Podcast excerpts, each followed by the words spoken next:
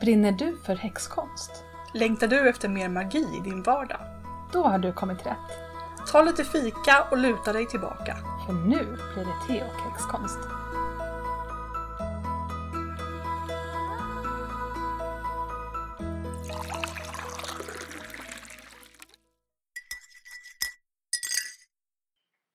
Ja, jag plockade lite örter innan. Ja. Eh, Du har världens finaste te. Ja, det, det är blommor från Johannesört och så är det ett röll... Nej.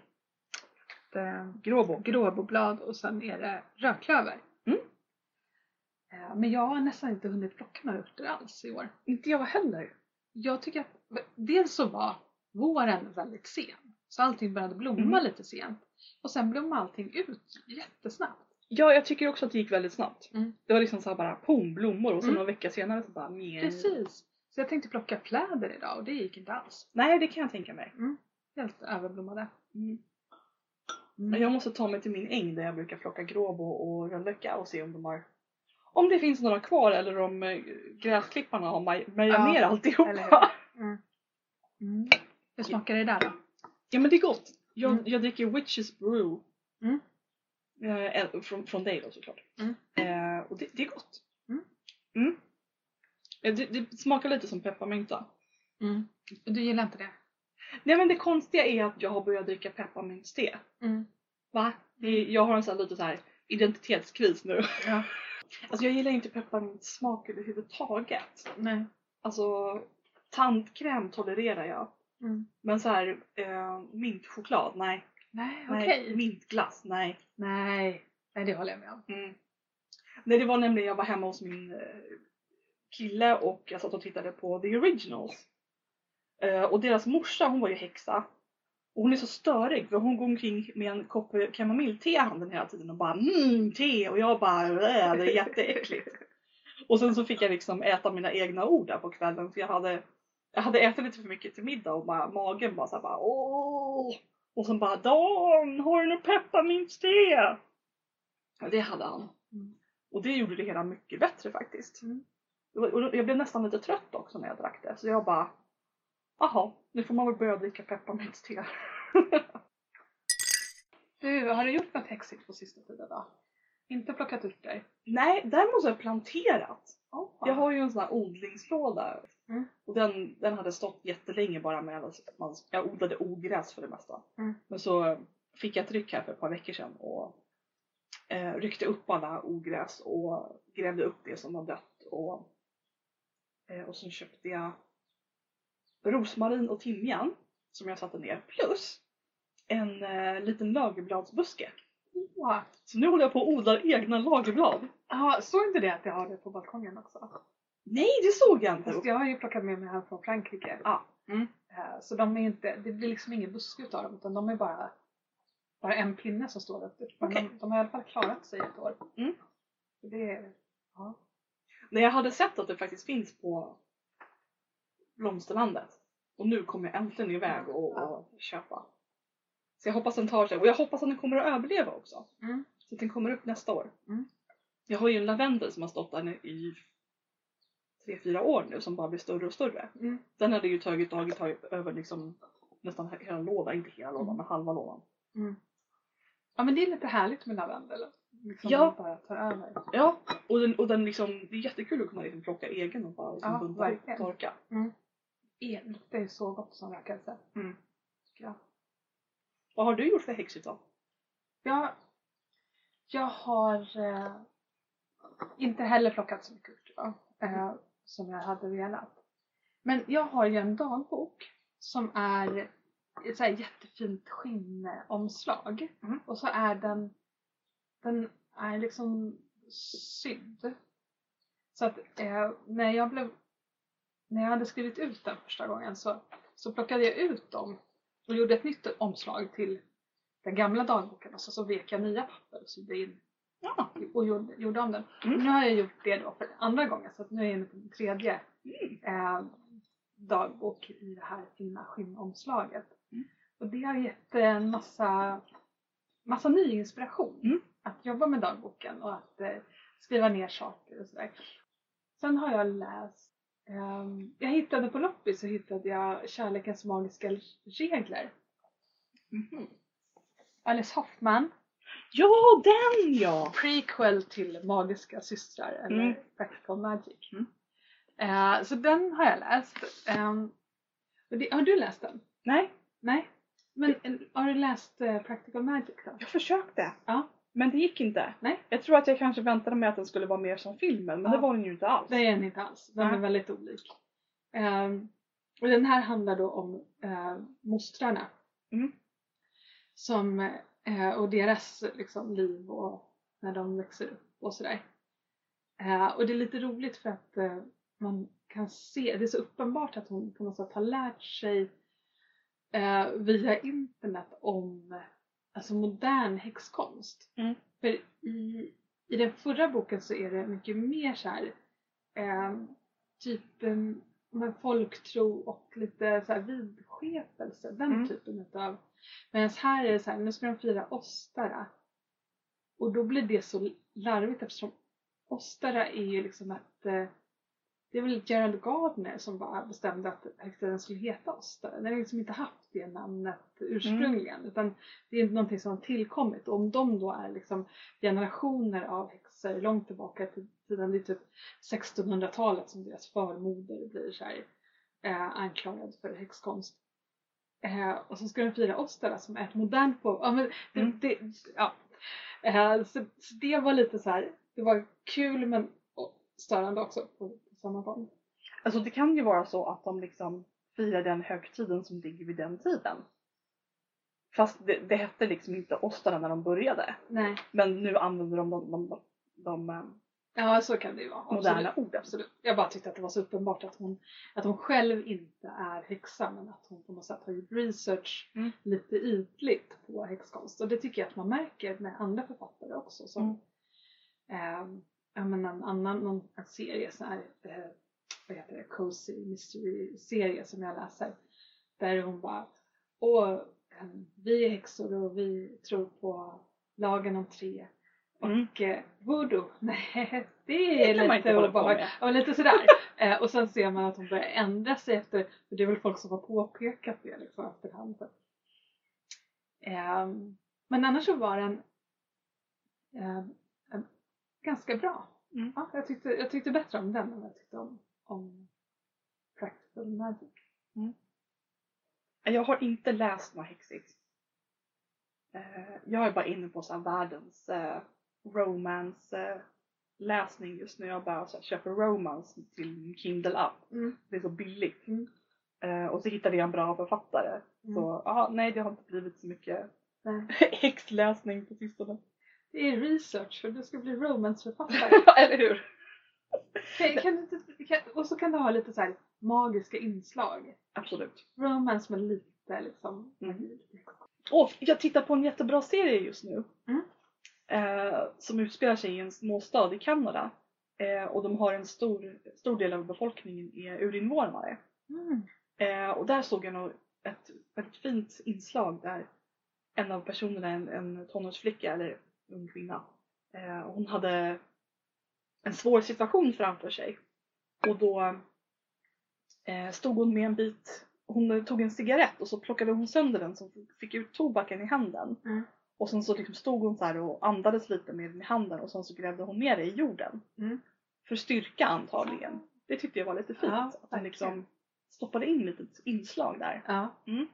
Och jag tycker att det knyter an lite grann till ämnet som vi ska prata om idag. Mm. Som är korsvägar. Ja.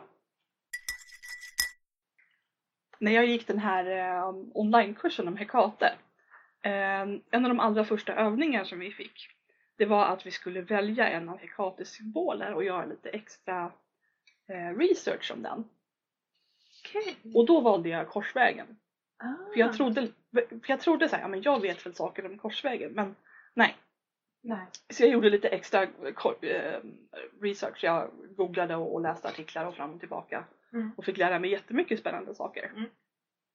Och korsvägarna är ju en av hennes stora eh, symboler. Liksom, hon står ju i en trekorsväg och liksom råder över det området. Mm. Så, och det var superspännande. Mm. Mm. men det är så intressant med korsvägar för att de har varit eh, viktiga och magiska över hela världen, Mm. verkar det som. Ja men de är ju någon sorts eh, mellan, mellanvärld. Mm. De är ju liksom som en port eller som en tröskel eller liksom ett ställe där man liksom, ett ställe där alla världarna kommer tillsammans och det är lite så här. Ja, en lim liminal zon. ja Eh, precis, liminal. liksom ett ställe som varken är här eller där Ja, utan precis. lite mitt emellan. Ja, precis. Eh, och när jag eh, läste etnologi för hundra år sedan då pratade vi om liminala zoner. Mm. Eh, och då, men då pratade man mest om li- liminala zoner i tid. Mm. Eh, och då kan det vara till exempel gryning och skymning. Ja precis. Och, och det finns ju mycket folktro och liksom magi kring just skymning och gryning och även midnatt. Mm. När klockan slår tolv när man går från ett dygn till ett annat. Mm. Eh, men sen så också eh, liksom högtider på året som på Beltane så, eller på Valborg då. Mm. Så gick man över till, alltså dels ut med korna på bete men Mm. också i städerna så gick man till liksom att skeppen började komma in. Mm. Eh, innan, innan det så låg liksom ham- hamnarna nere. Så. Och Samhain är ju sista skörden och Ja, precis. sista slakten. Ja, det vet jag inte. Så, så skulle det kunna vara. Eh, men sen så också faser i livet som födelse Mm. i en liminal zon. Pubertet, alltså det finns ju väldigt många, alltså konfirmationen i, i liksom kyrkan men överallt i världen så finns det sådana eh, initiationsriter eller passageriter kallar Mm. man det för. Just Mm. det. Man går från att vara barn till att bli vuxen. Så. Mm. Eh, möhippa tänkte jag på och, och eh, vad heter det, svensexa. Mm. Det, för poängen med de här liminala zonerna det är ju att det som händer där det är liksom lite utanför, precis som du sa, bortom. Eh, så att på en svensexa och en möhippa så är det som att det vi gör här, det gills inte riktigt. Mm. Det är liksom det Det står emellan. utanför. Mm. Så. Eh, utanför livet. Jag tänker också på att eh, förr i tiden när man gif- gifte sig så var det ju ofta så att bruden skulle färdas en bit. Ja. Så då blir det ju liksom bokstavligt talat att man är mitt emellan. Mm. Man är liksom mitt emellan sitt hem och Ja, ens framtida det, hem. just det, precis. Mm. Ja, Och det såg ju som en ganska farlig tid. ja, kunde, det, man också- kunde bli bortrövad eller precis. trollen eller något sånt Ja. där. Så man hade vakter och man hade, det var ju därför man hade ett brudfölje Ja, från början. ja, För att liksom skydda bruden. just det. Eller för att villa bort alla trollen så att de liksom istället för att sno bruden så snor de så här brudtärna nummer fem. Ja, ja. Och, och jag tänker också den här tiden efter förlossning, när man, innan man blir kyrktagen. Mm. Eh, och jag tror att från början, alltså det är ju ett fruktansvärt sed att liksom Mm. kvinnan och barnet är så smutsiga och typ inte hör hemma i himlen under 40 dagar när de är liksom som mest utsatta och sköra. Mm. Men jag tror från början så är det här en liksom kraftfull, magisk liminal tid. Mm. Eh, innan, hon liksom, innan de blir på något sätt normala. Jag hade läst någonting på internet om att en, av, en annan av Hekates symboler är ju en kniv eller en dolk. Mm. Och då hade jag hört någonting om att det skulle vara ehm, Herregud, vad heter midwife? Barnmorska. Barnmorska. Mm. Alltså att det skulle vara barnmorskan eller ja, den här gamla kvinnan som är ansvarig för födslar. Att det Mm. skulle vara liksom symbolisera den sortens kniv. Mm. Eh, för var egentligen liksom mera liminalt än att vara liksom på väg att födas. Ja, Då är man ju precis. varken i magen eller utanför. Nej, man är liksom precis. mitt emellan. Ja, ja. Eh, sen fick jag lära mig att nej, det, det, det stämde inte alls. Nej. Men jag tyckte ändå att det var så här: okej, Ja. ja, hyfsat. ja. Mm. Bra Intressant. tanke. Ja. Ja. Och jag tänkte också på död. Ja. Det vet ju både du och jag som har nära anhöriga som har dött att allt, där hamnar man ju verkligen i ett mellanrum. Ja, verkligen. Mm. någon sorts vakuum liksom. Mm. Där det är, det är liksom här och nu och det mest angelägna liksom som man tar itu med och sen bara hela resten av världen försvinner på något sätt. Så Ja. Jag tänker att det är också någon sorts liminal tid. Mm. Ja men absolut. Liksom. Mm. Skillnaden mellan liksom liv och död, Ja. återfödelse. Ehm, ja. Jag tänker att mörkermånen skulle kunna vara också en så här liminaltid. Mm. Just att man går från ena månvarvet till det andra. Mm. Och att det, må- månen inte syns då under tre dagar. Mm. Eh, Här i Sverige syns den ju mest mm, inte alls. Men Nej. Och när vi säger liminal, alltså det är det kommer väl från, li, li, alltså från gräns, latinskt gräns. Eh, från latinets limin eller limen som betyder tröskel.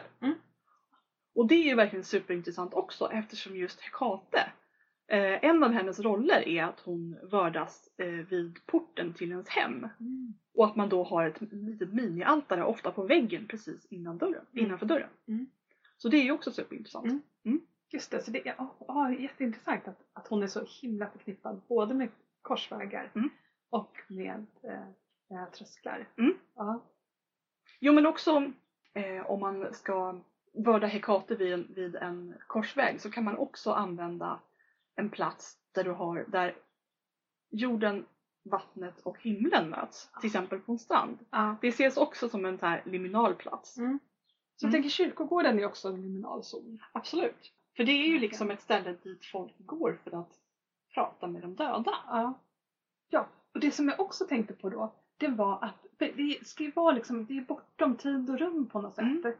Eh, när vi slår cirkel, Mm. när vi gör ritualer, Mm. så skapar ju vi en liminalzon. Ja. Vi skapar en plats bortom tid och rum. Mm.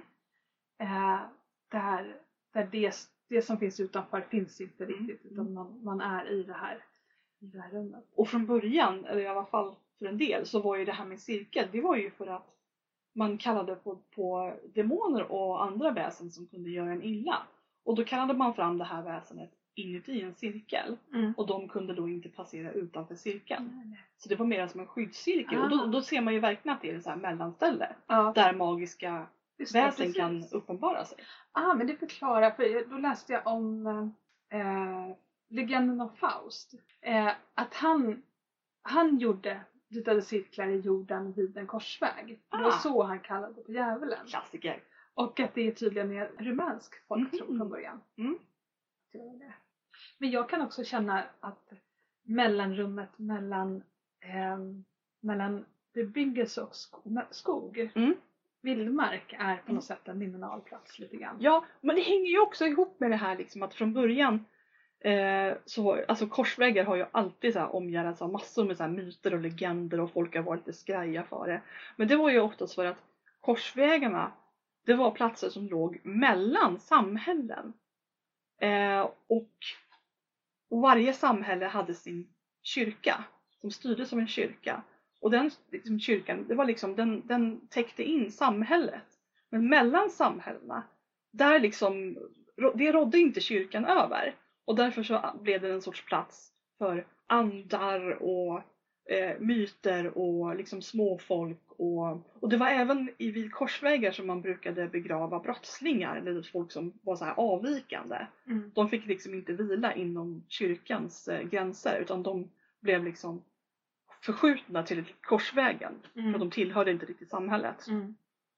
Och då har ju jag spanat på, spa, spånat om att eh, Korsvägen då i min tolkning skulle kunna vara en plats för folk som inte passar in. Ja. För folk som bryter normer. Det. Ja. För folk som är lite mittemellan. Mm. Jag läste någonstans att eh, man tänkte sig att det var där alrunan växte också. Ah, just Alltså man, tänk, man tänkte sig att den växte under galgen. Mm. Så, men man hade också galgen vid Ja. korsvägen. Mm. Man hängde folk ibland på vissa platser. Mm. Eh, och att det var just liksom under en galge vid en korsväg, där växte alrunan. Mm. Ja, av sådana orsaker. Ja. Det behöver vi inte gå in på nu. Nej. Mina alrunor växer jättebra i mitt fönster också. Ja. för det. Bra! Åh, är det alrunan? Ja. Men gud vad fint! Men det här är bara en av dem. Ja. Nu har de eh, tappat bladen. ja. Jag fick inte ens upp någonting i jorden. Nej. Jag tror jag slängde den för snabbt. Ja. Jag bara, nu har det gått tre månader, jag ser Ja. ingenting, nu slänger jag den här. Ja. Det var antagligen någonting på gång. Ja. Jag har alltid tänkt mig att det ska vara en korsväg är, det är två vägar som korsar varandra. Mm. Medan om man tänker Hekate, då känns det ju rimligt att det är tre vägar som möts. Ja, det är väl den klassiska korsvägen. Men alltså jag tycker ju liksom att fan, om det är tre eller fyra, vad spelar det för roll? Det är ju fortfarande en korsväg. Jag tänker att att ett kors är ju liksom att det är två vägar över varandra. Men, men då läste jag att att det är eh, tre vägar. Mm. Och fyra vägar, då är det Hermes. Jaha, Eh, intressant. Och då, tre vägar blir ju då liksom att man, man går på en väg och så, så delar sig vägen. Mm. Och då har man möjligheter, man har vägval att Mm. göra, beslut att fatta. Mm. Eh, Medan de här, när två vägar korsar varandra, eh, så det är fyra stycken då, då är det ju, då handlar det om möten. Mhm. Och det som är vanligt är ju att man, eller det som jag har hört då från början och som jag läste nu också i någon av mina böcker av Ebbe Schön, Mm. det är att man eh, om man vill skriva kontrakt med djävulen då ska man gå Precis. till korsvägen tre torsdagsnätter i rad. Mm. Och den tredje natten kommer djävulen komma och undra vad man vill. Det som är intressant är ju att, men då står det djävulen här. Mm. I, vissa källor så är det Oden som Mm. möter Ja men precis. För det lärde jag mig också när jag gjorde min research. Att både att liksom de gudar och gudinnor som är förknippade med korsvägen det är liksom både Hekaten men det är också så Oden och Hermes. Ja, just det. Precis. Men, men också i, i Amerika, eller i USA, eller Nordamerika, kanske hela Amerika, jag vet inte. Eh, så, är det, så är man väldigt noga med att det inte är djävulen, det är en djävul. Mm. Alltså att det är olika saker liksom. Inom voodoo så är det Papa Legba som Precis. står i korsvägen. Ja, precis. Mm. Eh, och Papa Legba då kommer från en eh, Västafrika. Mm. Eh, en gud som hette Eshu. Mm. Eh, och, och han var liksom, han var lite såhär trickster-gud. Ja. Inte ond men, Nej. men så liksom lite neutral och Mm. kunde roa oss Precis, med. Ja. Men jag tänker också på sådana här larer. Alltså romerska eh, väsen som beskyddade olika platser. De kunde Mm. också beskydda en hel familj. Mm. Eh, och de fanns framförallt då vid korsvägar. Mm. Liksom någon sorts andeväsen sådär.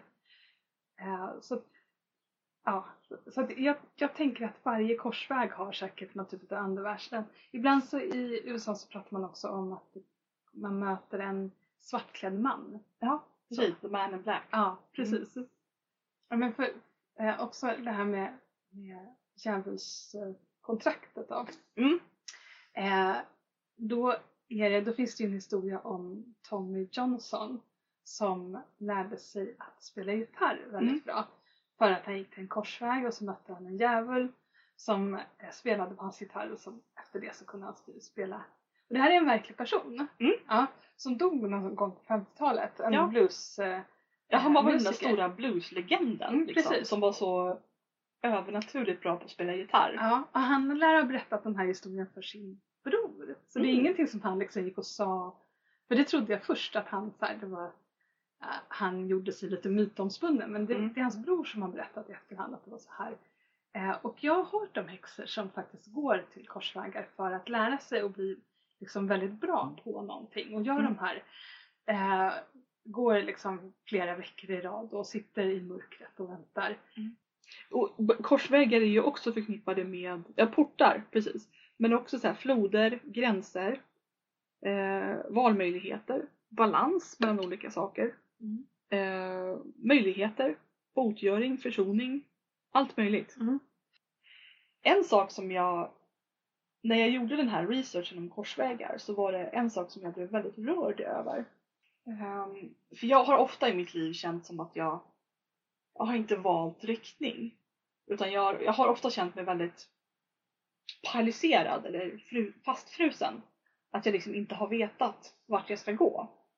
Eh, vilket för mig har varit ganska så här ångestfyllt. För det känns som att varför har jag inte gjort någonting med mitt liv?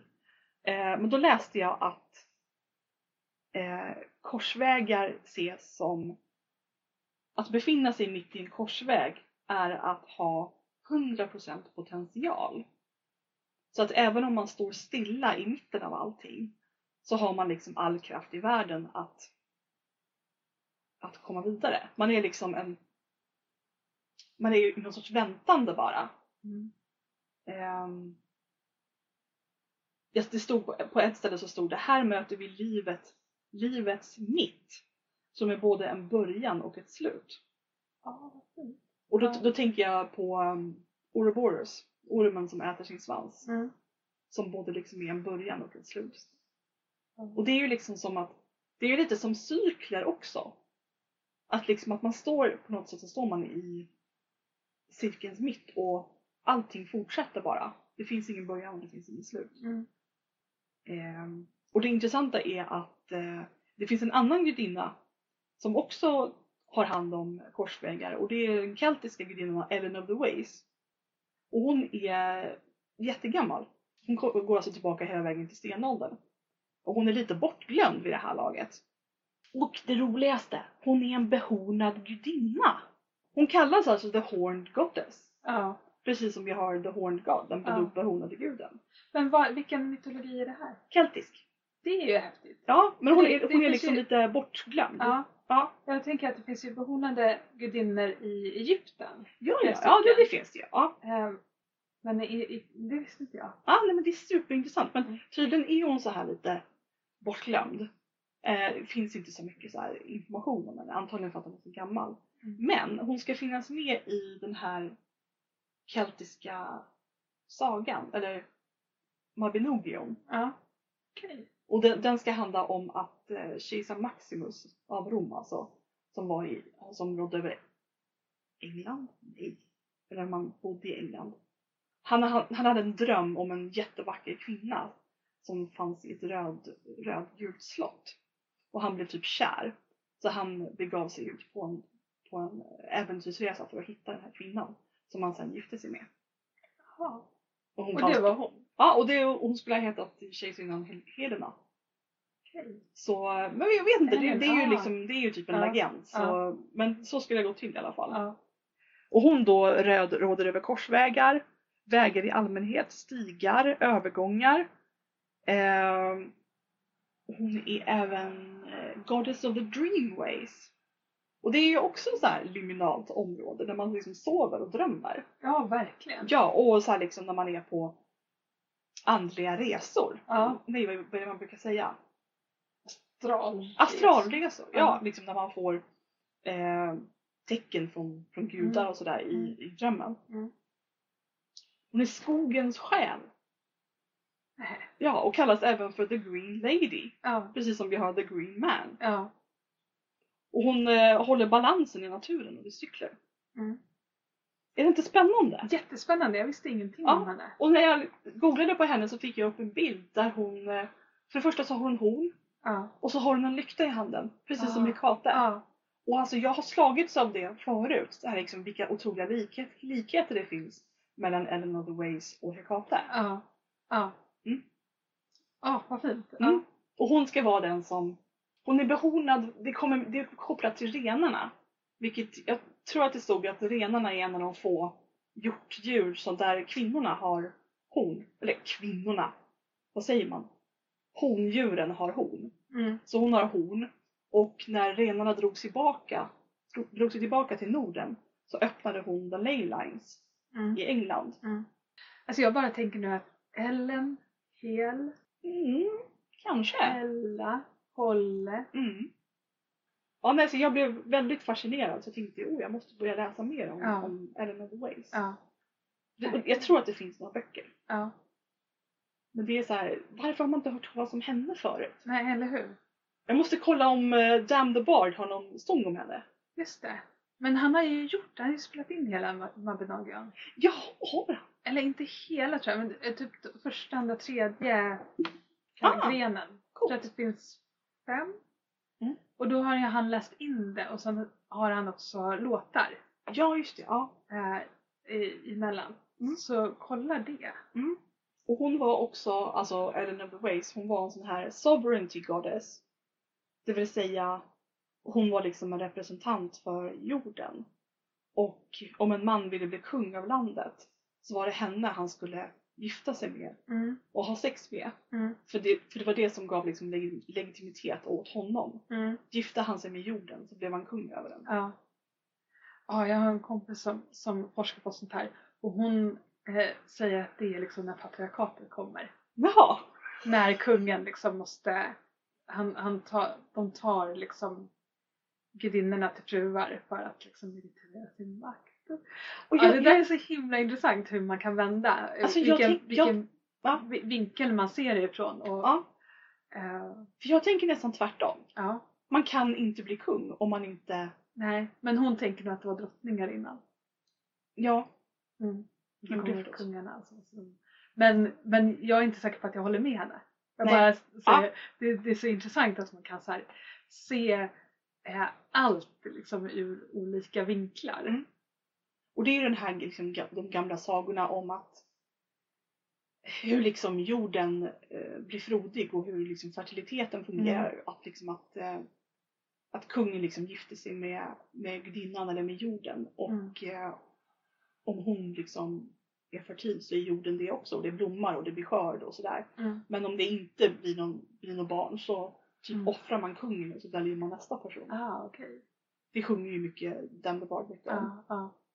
Åh, vad intressant. Vad glad jag är att du, berättar om Ja, men jag blev lite faktiskt lite um, ändå lågor. Mm. Mm. Så jag måste se om jag kan hitta någon bok om henne. Mm. Ja, det som jag också har läst om det är att man kan, man kan sitta vid en korsväg eh, och under dagen Mm. och bara liksom betrakta vad som händer. Det är en väldigt bra, bra ställe att få liksom, eh, ta till sig naturen som orakel. Mm. Man ser en fågel som flyger, man, det är två stycken som går förbi och pratar, som Mm. lyssnar på vad de säger och så tar man till sig budskap liksom, på det Mm. sättet. För jord då kan man gräva upp eh, och använda i ritualer för ehm, ja, men, vägval om man vill fatta, behöver fatta beslut. Övergångar, transition. Ja, precis. Eh, vägöppnare också. Att man Mm. springer igenom någonting. Att man eh, springer igenom motstånd. Kanske sitt eget motstånd eller motstånd från Mm. andra. Sådär. Eh, och en del använder det som kyrkogårdsmull. Eh, och, och istället för att eh, hämta jord från en korsväg så kan man ju också lägga offer vid korsvägen. Ja, Det är det som du pratade om lite grann Mm. där i början med tobaken. Mm. Och då eh, läste jag någonstans att folk, eh, eh, vissa lägger det mitt i vägen men då kan ju folk gå och trampa på en soffa. Mm. Så en del vill liksom lägga det eh, bredvid vägen. Mm. Man lägger det liksom intill korsvägen. Det är ju det klassiska stället att när man jobbar med Hekate så ska man lämna offergåvor vid en korsväg. Speciellt på nymånen och fullmånen. Mm. Och man kan göra ritualer för beskydd och allt Mm. möjligt. Så. Mm. så det är ju verkligen ett klassiskt ställe. Ja. Och sen är korsvägen också ett sätt att hitta saker. Kan Mm. det vara. Mm. Så att eh, tydligen i rysk folktro så är det för att hitta djur så går man till en korsväg. Ehm, ja, eftersom att det är liksom väg, att, eh, inte bara att välja väg utan också hitta rätt väg. Så. Och sen så ofta så i, en Hekate-grupp jag är med så är det många som frågar så här, jaha, korsväg, var kan jag hitta en sån? Är inte det jättelångt bort? Måste man ut i skogen? Och då var det någon som påpekade, ja men alltså bor du i hus så har du en korsväg eh, liksom där din infart träffar gatan. För det är ju tre, det är ju som ett T-kors. Ja, Det räknas också. ja. Precis. Det gör det ju verkligen. Det är ju det att man vill, Man vill ha något man lite vill finare. gärna vara lite, lite utanför byn. Ja. Eh, och också att man vill ha, om man vill ha jord från en korsväg Mm. så, så är det lite svårt att gräva i asfalt. Ja. Nej men jag hittade ju, eh, alltså när man, till och med om man bor i en förort så kan man ju hitta korsvägar. Eh, jag, går, jag bor ju i närheten av Gubbingsfältet och där hittade jag en jättetrevlig korsväg där det faktiskt var tre stigar som bildade en, en trekant i mitten. Mm. Och i den trekanten så ligger en liten bergshäll och så står det ett träd och jag bara det här är ju helt perfekt. Ja, jättefint. Så det har jag liksom använt som min, min Ja. korsväg. Sen Ja. finns det i skogen också men jag är inte så supersugen på att gå i skogen så här, klockan nio på kvällen. Nej. I alla fall inte på vintern. Nej. Jag har ju här uppe också. Ja. Där, där man liksom svänger av mot kärret. Mm. Fast det, det är mer en T-korsning. Mm, jag tror det räknas också. Det räknas också. Ja. Eh, alltså jag har aldrig egentligen jobbat med korsvägar. Det är bara någonting som jag så drömmer om. Mm. Men jag kommer ihåg att vi i höstas så, så var vi på mitt land och så Mm. gick vi till en korsväg och så Ja. försökte jag gräva upp jord där. Det var lite halvdant för den där vägen, den ena vägen Och mest Äh. grus. Ja, precis. Och den ena vägen är kanske 12-13 år gammal och den Mm. andra vägen var typ ett halvår gammal bara. Mm. Det känns som att det ska vara en väg som man, folk har trampat under lång tid. Mm. Egentligen. Eh, men det är, det är någonting som jag skulle vilja jobba med mycket, mycket mer. Mm. Korsvägar. Mm. Det är det att eh, man bor i Stockholm så vill man helst inte vara ute på natten själv. Nej. Nej, för jag har väl alltid tänkt så liksom att det är inget som jag riktigt har funderat på förrän jag kom in på Hekate. För för mig så är liksom korsvägar, det är mer så här demoner och sånt. Mm. Det var först när jag, när jag började liksom läsa på om Hekate som jag bara, åh, korsvägar. Ja, Ja. okej. Nej, jag har nog tänkt att det är svensk folktro, verkligen. Aha, okej. Korsvägar. Ja. Det- Ja, Jag vet ju nästan ingenting om svensk Nej. folktro. Ja. Men den här idén liksom om att kanske inte voodoo men för, för, för mig så liksom även om man liksom inte är häxa så kanske man ändå har någon sån här, man har tittat på Supernatural och bara nej men det är bara dåliga saker som händer vid korsvägar. Men det är därför jag inte tittar på Supernatural. nej varför gör du inte det? Eller från början, alltså när den, när den gick första gången så var det så här. Nej jag orkar inte ens se det till när allt liksom övernaturligt är dåligt. Mm. Och så såg jag ett avsnitt och så bara la jag ner.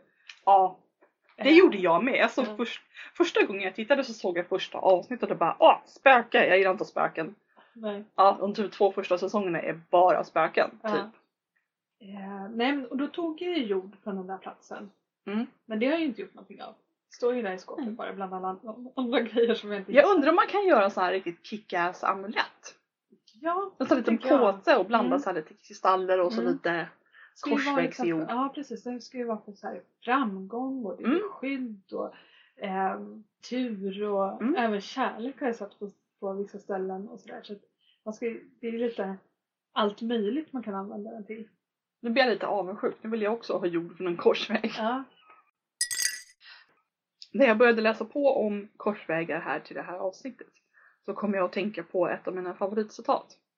Och det är av Joseph Campbell, killen som kom på och skrev om The Hero's Journey. Som till exempel Luke i Star Wars, han är så här eh, typisk hjälte som går igenom en viss eh, inre resa för att bli hjälte. Och Joseph Campbell har skrivit mycket om det här. Eh, om myter och, och sådär.